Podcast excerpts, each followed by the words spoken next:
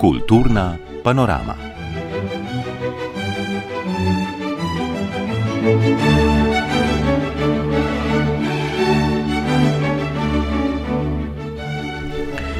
Spoštovane, cenjeni, pozdravljeni v novem tedenskem pregledu z našimi odmevi na javno izpostavljene fenomene kulture, kot so razstave, koncerti, knjige, festivali, ne nazadnje pa državne proslave.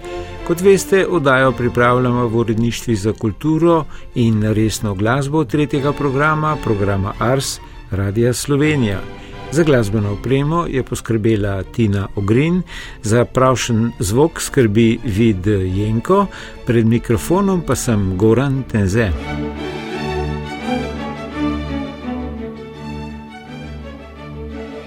Spomnili se bomo 120-letnice pokrajinskega muzeja Maribor. In pravkar odprte Kurentove hiše na Ptuju, kjer se je že začelo predpustno rajanje.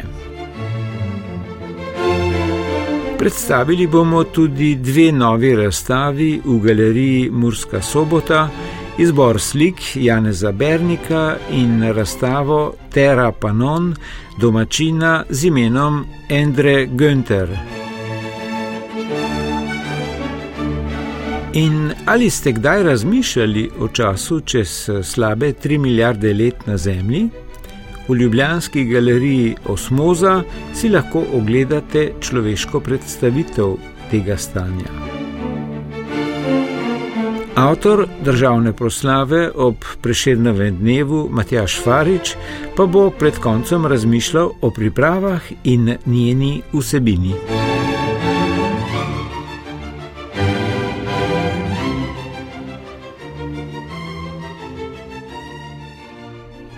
Pokrajinski muzej Maribor letos obeležuje 120-letnico delovanja. Jubilej bodo z različnimi dogodki praznovali skozi vse leto.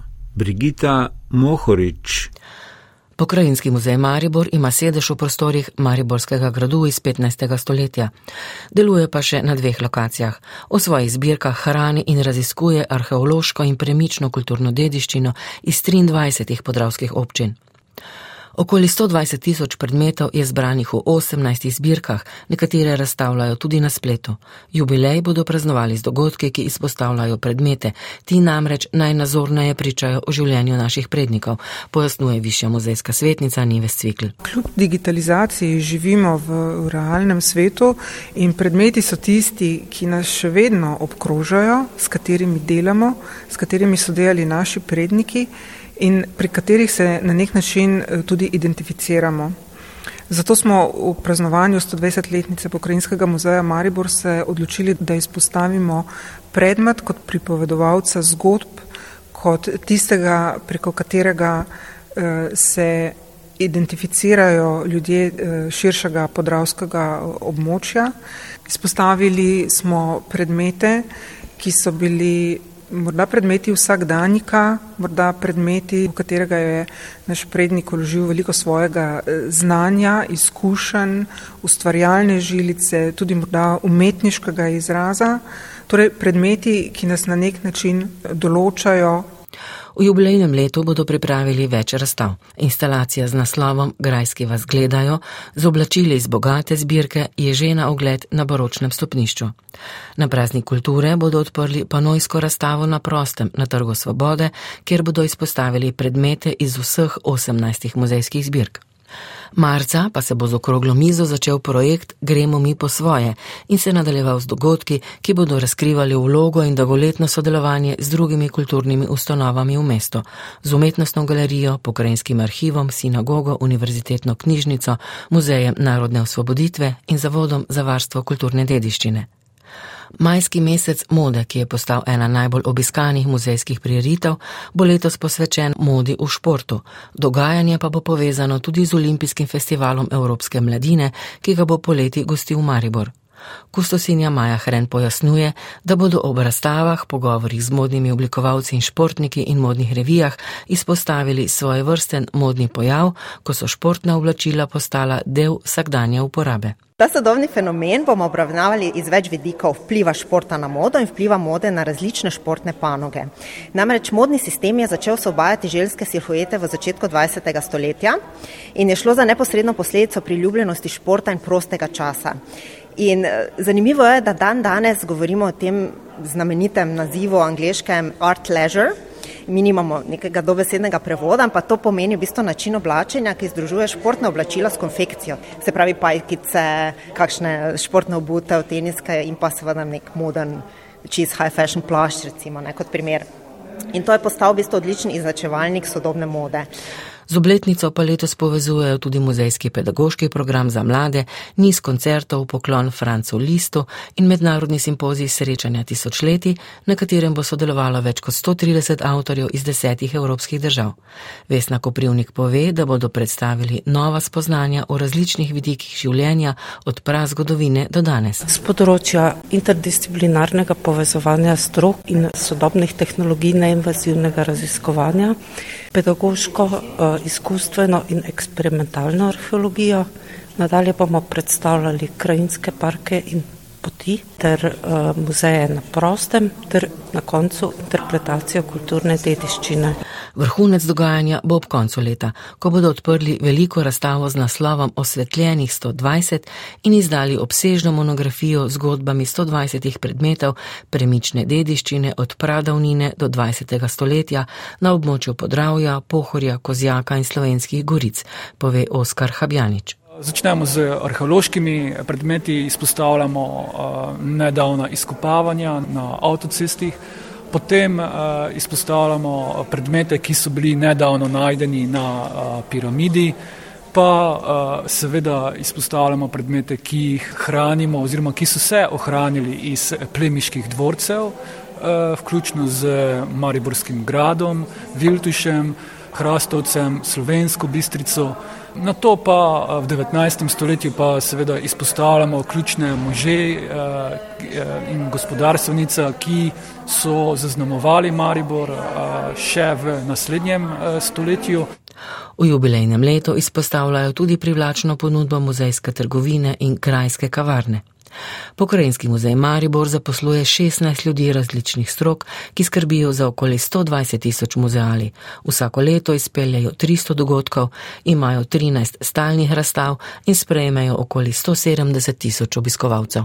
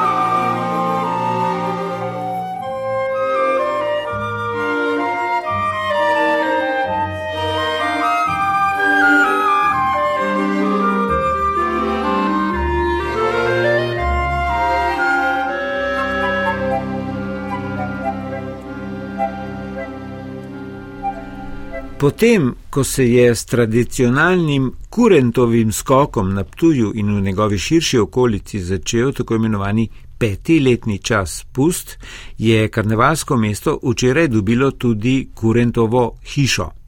Ta predstavlja kurenta oziroma koranta in ga postavlja na pomembno zgodovinsko mesto. Muzej je rezultat prizadevanj društev, ki ohranjajo tradicijo tega lika in z njim povezanega obredja. Ptuj je tako dobil inovativen in sodoben muzej sredi mesta, ki bo med 11. in 21. februarjem središče že 63. kurentovanja. Prispevek na temo je pripravila Nataša Kuhar. Kurentova hiša je sodobno zasnovan manjši muzej, v katerem bodo vse leto predstavljali to izvirno, obredno, mistično, demonsko, etnografsko masko in njen pomen, pravi predsednik Zveze društev Kurentov Aleš Ivančič. Kurentova hiša je namenjena vsem obiskovalcem mesta Ptuja se pravi, skratka, vsem, ki na tuj prihajajo in želijo doživeti ta naš peti pustni letni čas. Zagotovo tisti, ki pridejo meseca februarja, to lahko v živo spremljajo in dobijo ta pristno občutek, kaj ta dediščina za nas pomeni. Za vse tiste, ki pa prihajajo izven meseca februarja k nam na tuj, pa je Kurentova hiša nekakšen vodnik v peti letni čas, v naše obhode, v razumevanje kurentovanja kot takšnega in pa samega kurenta. Zdaj, mi dva sva se po hiši že sprehodila, marsikaj zanimivega vidiva tukaj. Kaj je tako izstopajoče? Je zagotovo je to zgodba o kurentu, ki je osrednji lik in eh, tako edinstven kot je. Mi bi si ga želeli približati ljudem iz celotne Slovenije, hkrati pa bi želeli ščititi njegovo identiteto, glede na to, da prihaja z Tujsko-Dravskega polja, Halos, delno slovenskih goric. In mi kot Zveza društva kurentov, kot varuhi le tega, moramo skrbeti za to, da so ljudje, ki prihajajo na tuj pravilno poučeni o samem obredju, ki je opisan na UNESCO seznam nesnovne kulturne dediščine. In uh, na nek način je to zgodba, ki je ne želimo predati uh, naslednjim rodovom izkrivljeno, ampak takšno, kot so naši dediči dali nam. Če se še malce vrne v, v to hišo Kurentovo, uh, kako bo odprta, kdaj bo odprta skozi vse leto? Naš cilj je, da bi Kurentova hiša bila odprta skozi vse leto. Termine bomo prilagajali letnim časom, zagotovo, ko bo čas kurentovanja, bo odprta med 10 in 20 uro, drugače pa pričakujemo, da, bi, da bo hiša odprta med 10 in 18 uro eh, skozi vse leto. V kurentovi hiši bo z uporabo modernih tehnologij spoznavanje kurenta in njegovega obredja interaktivno, izobraževalno in doživeto. Digitalna predstavitev pernatega, rogatega in haloškega kurenta bo obiskovalce izobraževala o poglobljenem pomenu izvajanja obredja, ki se je na Dravskem in Ptujskem polju ter v Halozah in slovenskih goricah ohranilo iz pradavnine do današnjih dni. Ob tem Ivančič spomni, da kurent ni pustna maska. Ne, zagotovo kurent ni pustna maska, mi se z tem danes eh, množično srečujemo. Ljudje iz cele Slovenije se kostumirajo oziroma oblačijo v kurentovo pravo, pri tem pa dediščine sploh ne razumejo, niti ne poslanstva, niti ne obhodov kot takšnih in za nas je to na nek način. Eh, po eni strani žalostno vzvodov za to, da bi to preprečevali, nimamo. Eden izmed vzvodov, ki ga pa imamo, je pa poučevanje in kurentova hiša je zagotovo zgodba, kako poučiti, podočiti mlade oziroma vse tiste, ki nam tuj prihajajo, kaj dejansko ta dediščina nam pomeni in v kateri prostor je integrirana. Kurentova hiša je to nekakšen muzej, modern muzej? Ja, zagotovo gre za sodoben muzej eh, z modernimi tehnologijami narejen in ja, zagotovo je to muzej, ki ga je Ptuj še kako potreboval. Pa mislim, da ne samo Ptuj, mislim, da tudi Slovenija kot takšna. Vsi se radi identificiramo z kurentom kot takšnim, zagotovo hodi po svetu, prikazuje našo slovensko identiteto, ne, pri tem pa pozabljamo, kaj nam, kaj nam to dejansko pomeni. Sicer pa je Zveza društev kurentov, ki združuje 25 društev z več kot 1100 člani, pred kratkim organizirala simpozij o pomenu kurentovih obhodov, ki so upisani na UNESCO seznam nesnovne kulturne dediščine človeštva. O novih dognanjih sogovornik pravi pravi. Zagotovo eh, raziskovalci prihajajo do sebi lastnih spoznanj, ampak bistveno je to, da mi kot varohi poučujemo ljudi, ki so z tega prostora, zaradi tega, ker enostavno tako kot eh, društva rastejo, prihajajo novi člani in naša naloga kot varuha je, da vsi, ki se te dediščine, eh, ki so zapisani tej dediščini in zapriseženi nosilci, da jih znova in znova podočujemo o tem, da ne gre kakšna stvar v pozabo. Spomnimo, da so bili leta 2012 obhodi kurentov najprej upisani v slovenski register nesnovne kulturne dediščine Ministrstva za kulturo, tri leta pozneje pa jih je vlada razglasila za nesnovno kulturno dediščino državnega pomena. Leta 2017 so obhodi kurentov prišli tudi pod okrilje organizacije UNESCO. V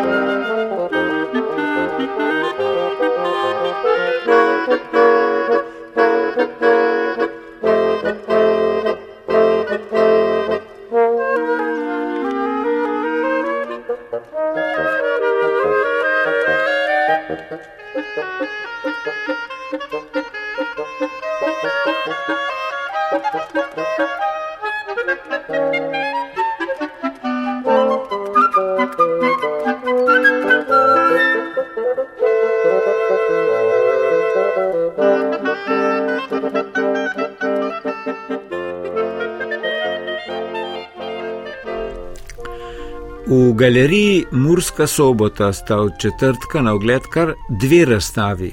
V veliki galeriji so razstavljene slike Janeza Bernika iz zbirke galerije Antikvitete Novak, v mali galeriji pa je na ogled razstava del domačega umetnika Andreja Günterja z naslovom Terra Panon. Obe bosta odprti do konca marca, več podrobnosti pa je pripravila Lidija Kosi. Galerija Murska sobota je začela sodelovati in se povezovati tudi s slovenskimi zasebnimi galerijami. Rezultat tega pa je tudi razstava 26 Bernikovih slik, pravi direktor Mursko-Soboške galerije in kustos razstave Robert Inhof. Te slike iz galerije Novak časovno obsegajo dela od leta 1960 do leta 2003 in predstavljajo zelo, zelo jasen pogled v umetnikovo ne samo izjemno kvalitetno ustvarjalnost, ampak tudi izjemno obširno ustvarjalnost. Bernik se je ukvarjal z slikarstvom, z risarstvom, z grafiko, z skulpturo in njegov opus je zelo, zelo obsežen. Tisto, kar je ob vsem tem posebnost te razstave, je to, te slike, ki so sedaj tukaj, smo poznali, ampak poznali smo jih eh, reproducirane črno-bele v tisti monografiji, ki je šla leta 1980 in ki imajo not tekste Zoran Kržišnik, Jure Mikuš, Giulio Claudio Argan, barvnih reprodukcij pa nismo poznali. Iz enostavnega razloga Franci Novak je te slike dobil iz tujine. Je pa zanimivo po tolikih desetletjih videti te slike in videti, da so še vedno sveže, da nas še vedno nagovarjajo. V Murski soboti razstavljenih slik Jane Zabernika v Sloveniji še nismo videli. Manjkale so tudi na njegovi zadnji večji razstavi leta 2005 v Moderni galeriji. Franci Novak iz galerije Antikvitete Novak. Tukaj so slike, ki smo jih dobili v Ameriki, v Avstriji, v Italiji in levi delež v nemškem govorečem prostoru. Slike, ki so tu razstavljene, so, tako kot je rekel dr. Inhof, so prvič videne po dolgih, dolgih letih. Izziv, ki smo ga imeli, ko smo videli pomembno razstavo v moderni galeriji in smo rekli, tukaj manjka, pa tukaj je en del, ki ga ni, mi smo ga odkrili postopoma, iščemo slike, ne samo od Bernika, tudi od drugih avtorjev, jih iščemo postopoma, ko jih najdemo, jih probamo pridobiti za naš kulturni prostor, da jih vrnemo tja, kamor spadajo. Razstava v Murski soboti glede na obsežnost celotnega opusa Jane Zabernika po eni strani predstavlja zgolj skromen del, po drugi pa glede na kakovost razstavljenih slik ni niti najmanj skromna. Predstavlja pa nekakšno svoje vrstno potovanje skozi čas. In če si lahko v veliki galeriji ogledujemo ustvarjalnost Jane Zabernika od leta 1960 do 2002, nas v mali galeriji pričakujejo najnovejša dela domačega prekmurskega slikarja Andreja Günterja. Kustodinja Irma Brodnjak Firbas. Ta razstava eh, se fokusira zlasti na njegov eh, najnovejši cikl, slikarski cikl, ki je nastajal v eh, malce nenavadnih, čudnih, negotovih časih, ko nas je presenetila korona. Torej, jedro te razstave so dela, ki so nastala od leta 2020 naprej. Torej, skozi teh 50 let njegovega ustvarjanja, odkar nastopa tudi v obliki razstav, je razvil en tak konsistenten, zelo obsežen opus in eh, razvil je tudi to prepoznavnost. Ko gledamo njegova dela, vemo, da je to Endre, nezmotljivo je, nekako je njegov opus oziroma slikarski cikli znotraj njegovega opusa zelo organsko, zelo mehko prehajajo eden do drugega. Ni nekih, bi rekla, eh, kontrapunktov v tem smislu, ampak gre za res zelo mehko prehajanje iz cikla v cikl. Koronsko obdobje izoliranosti, utojenosti in samote, pravi Brodnjak Firbasova, je tudi Günterja globoko pretreslo. Zato se v teh delih prvič tako eksplicitno pojavi tudi figura, ki je večinoma osamljena ena ali pa če že nastopa v paru, pa je izrazita distanca med eh, njimi, med dvema ali pa tremi figurami. Eh, tukaj ne omenim še en eh, element, ki je precej vezan na ta prostor, na to panonsko nižino, horizont, ki se pa tukaj, ki pa tukaj izostane v teh najnovejših delih. Günterjeva figura običajno nastopa sama, če pa nastopajo v paru ali v skupini, med njimi zeva neznosna praznina. Pozdravi in pogovori so omejeni na konice komovcev ali na predpisano varnostno razdaljo. A kot pravi kustodinja, je Andre Günther vsele optimist. Andre je optimist in to se vidi tudi v tem ciklu, ki nas seveda sooča z temi eh, neprijetnimi eh, zadevami iz eh, preteklih dveh let, pa vendarle opažamo en svetli moment, to je pa svetloba, ki je v teh slikah precej več kot pri prejšnjih delih, teh izrazitih, dramatičnih barvnih kontrastov tukaj ni več toliko kot poprej. Andre Günther, ki se je v Mursko-Soboški galeriji 2010. na zadnje predstavil z razstavo Iskanje identitete, pa je ob odprtju tokratne Terra Panon povedal. Iskanje identitete sem smislil na moje mažare stare, ko so prihajali iz, iz poduralja, iz Azije, pa nekako prišli do, do te panonije, zato je tudi Terra Panon eh, naslov tega ciklusa. Potem sem prav, evo, identiteto smo našli, to je zdaj tu. Začel sem tisti en cikl malo spreminjati, organsko povezano sicer, zdaj je pa eh, naknadno prišel tam nesrečen COVID pred tremi, štirimi leti zdaj nazaj in eh, nisem mogel prespati ta čas brez reakcije. Je ta ciklus zdaj, oziroma ta COVID, ko je malo oznanjen, Prej sem imel slike res brez figur, čutil si figuro v vsaki sliki, ampak eh, brez figur. Tu so se pa zdaj ljudje pojavili, ampak eh, to je zaradi ponazarjanja ene, ene samotnosti, otujenosti, prosojnosti, prozornosti. Ljudje so apatični. Eh, je pa naknadno potem, kot se rekla, prišla ta svetlova, ki je to mogoče malo odvagnila.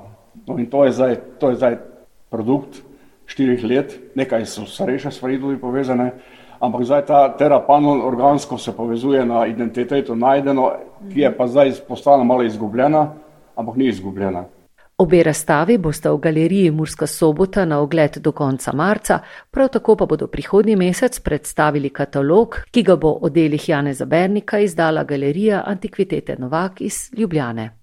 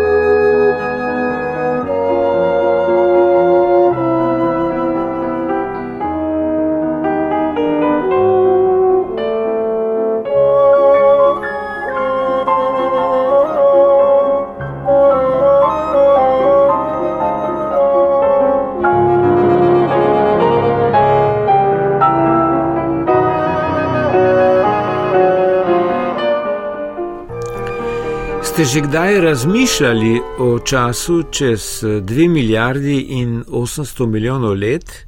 Verjetno ne. Gre za tako imenovani globoki čas, ki označuje časovno razsežnost geoloških dogodkov. Človeška življenja so v primerjavi z geološkim časom samo zanemrljiv trenutek, zato si takšna časovna obdobja le stežka predstavljamo. Prav za čas v daljni prihodnosti, čez 2,8 milijarde let, pa si je Andy Gracie zamislil spomenik, ki bi obeležil trenutek, ko naj bi se na Zemlji končalo vse življenje. Njegova zasnova je na ogled v Ljubljanski galeriji Ozmoza, ki se samo opredeljuje kot javni prostor razvojnih umetnosti in kultur 21. stoletja za 22. stoletje. O vsem tem več Iza Pevec. Predstavljajte si Zemljo čez 2,8 milijarde let. Povprečna temperatura bo na površju Zemlje predvidoma dosegla 147 stopinj Celzija, ko se vse življenje konča. Izumrli bodo še zadnji preprosti podzemni mikrobi. Nihče ne bi opazil geste spomenika, ki bi več tisoče milijonov let čakal na ta trenutek. Spomenik, podoben nekakšni štiridelni piramidi, bi ob straneh imel dve krogli, ki bi se tedaj skotalili na tla. Prav ob 147 stopinjah Celzija bi se namreč razgradil polimer, ki bi ti dve krogli povezoval. Tako si je Andy Gracie zamislil spomenik koncu vsega življenja na Zemlji. Sej poetičnost tega projekta je v tem, ne, da se zgodi v momentu, ko je povsem nesmiselno, ko nikogar ni. Um, in v bistvu pač s tem ne, v bistvu pervertira to idejo spomenika. Is it a monument? I know that was part of the discussion that was unresolved. That a monument traditionally. Ali je to sploh spomenik? Tudi to je bil del diskusije, saj spomeniki večinoma obeležujejo nek pretekli dogodek in ne dogodek, ki se bo šele zgodil. Poznamo toteme, ki simbolizirajo naše želje glede prihodnosti, ampak to je nekaj drugega. Moj spomenik obeležuje trenutek, ki se bo zgodil. Zemlja ne bo večno primerna za življenje in glede na to, kar vemo danes, se bo to zgodilo čez približno 2,8 milijarde let. Do takrat pa bi ta spomenik pričal koncu koncu različnih življenjskih oblik. Ko ne bi bilo več nobenega življenja, bi ta trenutek obeležila spomenikova performativna gesta. Eventually, eventually and, uh, the monument makes its, its gesture to, to mark that moment. Tako razmišljata avtor projekta Andy Gracie in umetnostna zgodovinarka Betty Žerovc, ki sta sodelovala v pogovoru s kuratorko Tjašo Pogačar ob odprtju razstave. O spomeniku so ob njima razmišljali še Matthew Wolfmajer z Inštituta za napredni študij Univerze v Tampereju ter Rok Brajkovič iz Geološkega zavoda Slovenije in Blaš Vičič iz Centra za napovedovanje potresov Quantectum AG. Poudarila sta, da bi bilo zaradi številnih sprememb zemlje praktično nemogoče, da bi spomenik obstal tako dolgo. Težko si zdaj mi zelo natančno predstavljamo, kako bo objekt, ki ga je Andy pripravil, točno na lokaciji v tistem trenutku zgledal. Kajti površje, sama topografija se skozi čas, pa sploh tako globok čas, izjemno, izjemno spreminja. To, kar mi vidimo na našem površju danes je odraz praktično recentnih geoloških procesov. In študija geoloških procesov v globokem geološkem času je v trenutnem geološkem vedenju izjemno težko, če ne praktično nemogoče napovedljiva. Kukor mislimo, da znamo stvari eh, kontrolirati, graditi, eh, izdelovati pač v bistvu proti nekim silam, ki oblikujejo zemljo, pa zemljsko površje, nimamo, nimamo kaj uh, narediti. Ne. Spomenik si je Grejsi zato po posvetu z Vičičem in Brajkovičem zamislil rahlo pogreznenega tla in prekritega z nekakšno kupolo in goro, ki bi se zaradi erozije počasi uničili in razkrili skulpturo. To bi lahko obiskali že prej, a bi se morali podati na pot v notranjost gore, podobno kot pri piramidah. A zemeljsko površje, kljub vsej nepredvidljivosti, morda ne bi bila največja grožnja spomeniku. Ne, za me je res smešna ta zadeva se ukvarjati s tem, kako naj bi spomenik preživel toliko časa, če povemo, da načeloma spomeniki ne preživijo niti tistih ideologij, ki so jih postavljale. Ne. V bistvu celo to območje Srednje Evrope ali pa recimo sploh Balkana je neko tako območje, kjer se postavlja ogromno spomenikov, ne, ampak se jih menja na nekih 30-40 let, ker se ideologije menjajo. To se pravi, bolj bi se mogli ukvarjati s tem, kako bo spomenik to preživel preživel, ne pa ne vem, neke strašne spremembe čez tisoče in tisoče in sto tisoče let. Ne. Spomeniki so grajeni za večnost, a pogosto ne preživijo prav dolgo, torej izpostavlja Beti Žerovc, ki pravi še, da se danes pogosto zdijo že zastarela oblika spominjanja. Jaz mislim, da prav iz tega nasprotja govoriti o tako oddaljeni prihodnosti skozi neko formo, ki se že zdaj zdi nekoliko zastarela, ne, je dejansko tisto, kar da temu projektu neko tako miselno moč, ne, ker že sama forma je nekaj, kar je precej problematična in je praviloma uporabljena v neke zelo problematične namene, politične, nacionalistične in tako naprej. Ne. Zdaj, če pa zdaj še poskušamo ne, ga zabetonirati za večnost, ne, to, kar je želja spomenika, ne, in se ukvarjamo s tem, kako to narediti, s tem, da vidimo, da cel svet ne, ne bi šel v nek propad, mi pa se ukvarjamo s tem, kako bomo zdaj ne, ohranili nek tak, neko to um, oznako naprej. Prav to je ne, tisto, kar sproža res en kup enih refleksij okrog tega, kaj je zdaj pomembno, kaj je smiselno. Ne. Tako da jaz bi rekla, da je, da je to vrednost tega projekta. Ideja spomenika, ki bi preživel vsa živa bitja na Zemlji, torej spodbuja k razmisleku o prihodnosti in govori o sedanjosti ter o tem, kar je za nas pomembno. Yeah, the project is very much about now. It's about what we are as a species, Projekt govori o sedanjosti, o tem, kar smo kot vrsta. Danes se vse bolj zavedamo možnih koncev, vemo, da smo v krizi, prihodnost se nam kaže kot negotova. Hkrati pa nas opominja, da smo le hipni, čas našega obstoja je zanemrljiv. Ko sem v preteklosti ustvaril projekt o koncu celotnega univerzuma, je nek strokovnjak dejal, da se ljudje v kozmološkem pogledu rodimo in umremo v istem trenutku. Tega se ne bi smeli ustrašiti, temveč pogledati, kaj čudovitega lahko v tem času storimo. Zanima me, kaj bi lahko sprožili projekti kot je ta, ali bi lahko spodbudili drugačno ravnanje družbe.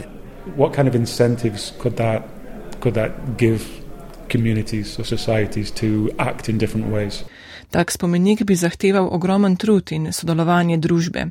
Zastavlja se tudi vprašanje, kdo bi ga financiral, gradil in v čigavi lasti bi bil. To bi seveda vplivalo tudi na njegov obstoj v prihodnosti. Grej si povdarja, da takšna ideja zahteva načrtovanje za čas, ki ga sami ne bomo doživeli. Kind of monument is a, it's a gift to the future. It's like launching Spomenik je na neki način darilo prihodnosti, podobno kot polinezici pošljajo čovn v neznano. Nekaj pošljemo v globoko prihodnost. To si predstavljam kot sidro, ki potrdi obstoj globoke prihodnosti brez nas. Gre tudi za reakcijo na sodobno kratkoročno mišljenje, ko so vsi cikli zelo kratki, večinoma mislimo za dve, tri leta naprej, premalo imamo dolgoročnih načrtov. Všeč mi je primerjava z razmišljanjem ob graditvi katedral, ki je trajala stoletja. Tisti, ki so jih začeli graditi, so vedeli, da jih ne bodo nikoli videli ali obiskali. Vedeli so, da gradijo nekaj za prihodnost, ki je sami ne bodo doživeli.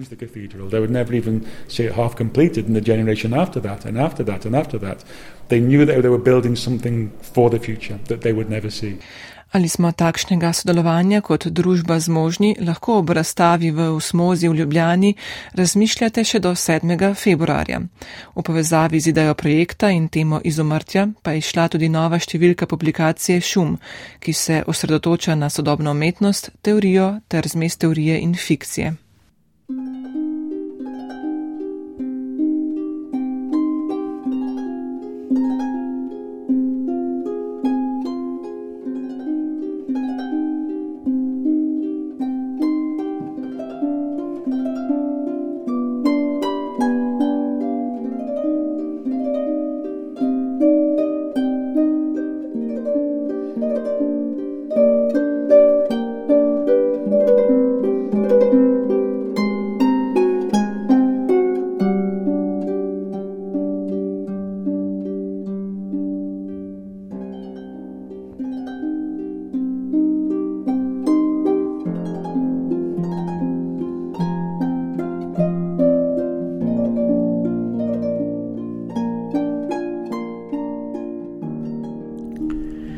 V torek na predvečer kulturnega praznika bodo ustvarjalkam in ustvarjalcem podelili veliki prešetnovi nagradi za življensko delo in tako imenovane male nagrade za vrhunske dosežke v zadnjih treh letih. Državno proslavo je tokrat avtorsko zasnoval Matjaš Farič Plesalec, koreograf in režiser, ki je tudi sam pred četrt stoletja prijel nagrado Prešernovega sklada. Matjaža Fariča smo povabili pred mikrofon, da nam pojasni umetniška izhodišča slovesnosti, v kateri bo z izbrano poezijo Srečka Kosovela in Anje Zag Golob na svoj način osvetlil odnos umetnika do družbe in obratno. V zadnjih dneh in tednih je namreč naneslo tako, da prav tako imenovano družbeno dogajanje grozi zasenčiti samo slovesnost, prešednove nagrajenke in nagrajence ter njihovo delo, kar režiserju slovesnosti ni prav nič všeč. Z Matjažem Faričem se je pogovarjal Urban Tarman. Te dni potekajo generalke pred torkovo preširno proslavo, letos ste vi in avtor. Podpisujete se pod režijo, koreografijo, scenarij in animacije. Proslava ima naslov Svet se nagnil naprej. Kakšna umetniška izhodišča ste si zamislili za njo? Uh, okoli vsakega kulturnega praznika potekajo največkrat zelo ostre debate o vrednosti kulture, o tem, uh, Eh, kakšni so umetniki, kako je umetnost cenjena. Zato me je zanimalo, kako uh, okolje gleda na umetnost in kako se umetniki odzivajo na ta pogled. Uh, in proslavo so vključena dela, ki se odzivajo na okolje v najširšem možnem smislu. To pomeni, da so vključene posredno tudi nek nekatere ekološke teme. Uh, seveda ne, man ne manjkajo kanonična dela, ki se dotikajo te teme odnosa umetnika do sveta, seveda priširnova glosa, ki na nek dokaj hudomušen način pove to, o čemer se ljudje prepirajo po spletnih portalih. Scenarij proslave ste, kot ste ravno kar dejali, vključili poezijo, ki govori o vlogi umetnika v družbi. O tej vlogi govori pesem Anja Zaga Golob, Srečka Kosovela in seveda Franceta Prešerna, Glosa. Vprašanje je na dlani, um, kako sami razumete te pesmi in kakšen pečat uh, ste želeli s temi pesmimi posebej vtisniti tej proslavi. Uh, posebej zanimivo je to, da večina teh pesmi na nek način govori o tej isti temi, o odnosu umetnika do okolja in odnosa okolja do umetnosti. Uh, seveda gre skozi različne umetnostne obdobja, ne? zelo dragocena je pa tudi pesem Anja za golob, ki uh, na nek dokaj intimen uh, način označi uh, atmosfero proslave. Uh, v bistvu je proslava izhajala iz, uh, pri ustvarjanju smo izhajali iz predstave Tihožitje, gre za ljudsko predstavo Tina Grabnarja in Tjaša Bertoncel. Predstava se ukvarja s tem, kako uh, se v umetnosti, oziroma kako v umetnosti rekreirati uh, naravo, kako ljudje v bistvu uh, gledamo na to naravo in kako si jo ohranjamo tudi skozi različen čas. Naprimer, nekoč so to ohranjali skozi m, taksidermijo, da so nagačili živali. In v bistvu dan danes je pogled dokaj drugačen. In ta del proslave odpira kar precej etičnih vprašanj, čeprav za poprečnega gledalca najbrž zgleda nek lep prizor, eh, ki je odlično eh, ljudkovno animiran. Ne?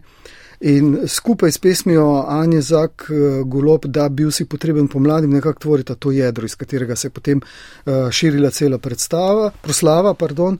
In uh, na srečo smo k sodelovanju lahko privabili tudi Duo Silence, ki sta napisala skladbo prav za uh, to proslavo z naslovom uh, Svet se vrne po kratki pauzi in pesem se začne svet se nagnil naprej. In to smo nekako posvojili za naslov proslave.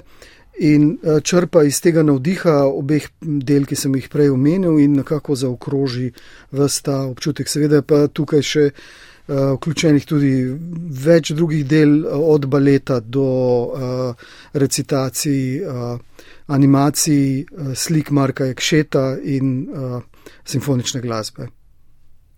Kot se je v zadnjem desetletju večkrat zgodilo, se hkrati s proslavo v javnosti pojavlja neko dogajanje. Leto so to gibanja, burne razprave, ali bo Svetlana Makarovič prejela priširno nagrado, ki jo je pred leti zavrnila, oziroma natančneje, ali jo ji bodo sploh izročili. Upravni odbor Preširnega sklada je sporočil, da scenarij ne predvideva podelitve nagrade Svetlani Makarovič, ona pa je, če se ne motim, napovedala, da se je tudi pripravljena splaziti na odr za njo. Kako kot avtor proslave gledate na omenjeni faktor presenečenja, ki se lahko zgodi med samo proslavo? Ja, pač če se zgodi do realnega, ne, tega ne v gledališču, ne v Eh, ne pri proslavah, pri kakršnih koli javnih dogodkih, ne moremo do konca predvideti, ne, do realnega izmerja na nek način presenečenje. V bistvu se zelo težko opredelim do tega, zato ker po eni strani kot avtorju proslave mi ne bi bilo ljubo, da, se, da so na odru kakšni zapleti, po drugi strani pa uh, globoko cenim gospod Svetlana Makarovič kot ustvarjalko. Ne, na zadnje sem tudi režiral eno izmed uh, njenih besedil, uh, škrat Kuzma dobi nagrado v mladinskem gledališču in najno sodelovanje je bilo zelo korektno, tako da zelo težko se do tega opredeljujem. Ne. Vsaka stvar ima seveda pri dojemanju posameznega človeka nek okvir, s katerim smo zaznamovani. Imamo ideološke preference, ne vem, politične preference, estetske preference in tako naprej.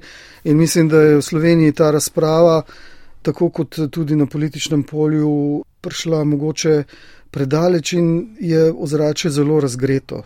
Tako da mislim, da bi mogoče tle bilo dobro stopiti uh, korak nazaj in pustiti, da se stvari iztečejo tako, kot se morajo. Da gospa Svetlana Makarovič uh, prejme nagrado, ki si jo zasluži, in da ta dogodek uh, steče tako, kot je bil načrtovan.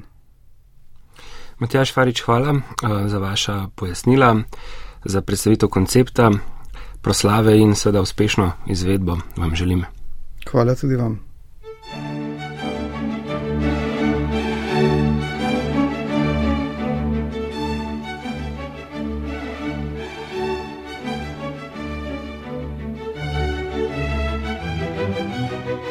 Tako prišli smo tudi tokrat do konca kulturne panorame, ki smo jo pripravili. Brigita Mohorič, Nataša Kuhar, Lidija Kosi, Iza Pevec in Igor Velše in Urban Tarman. Za glasbeni del je poskrbela Tina Ogrin, za zvok pa Vid Jenko. Urednica uredništva za kulturo je Maja Žvokel, oddajo pa sem uredil, pripravil in povezoval Goran Tenze. Kmalu bo vse v RTV-ovskih internetnih arhivih.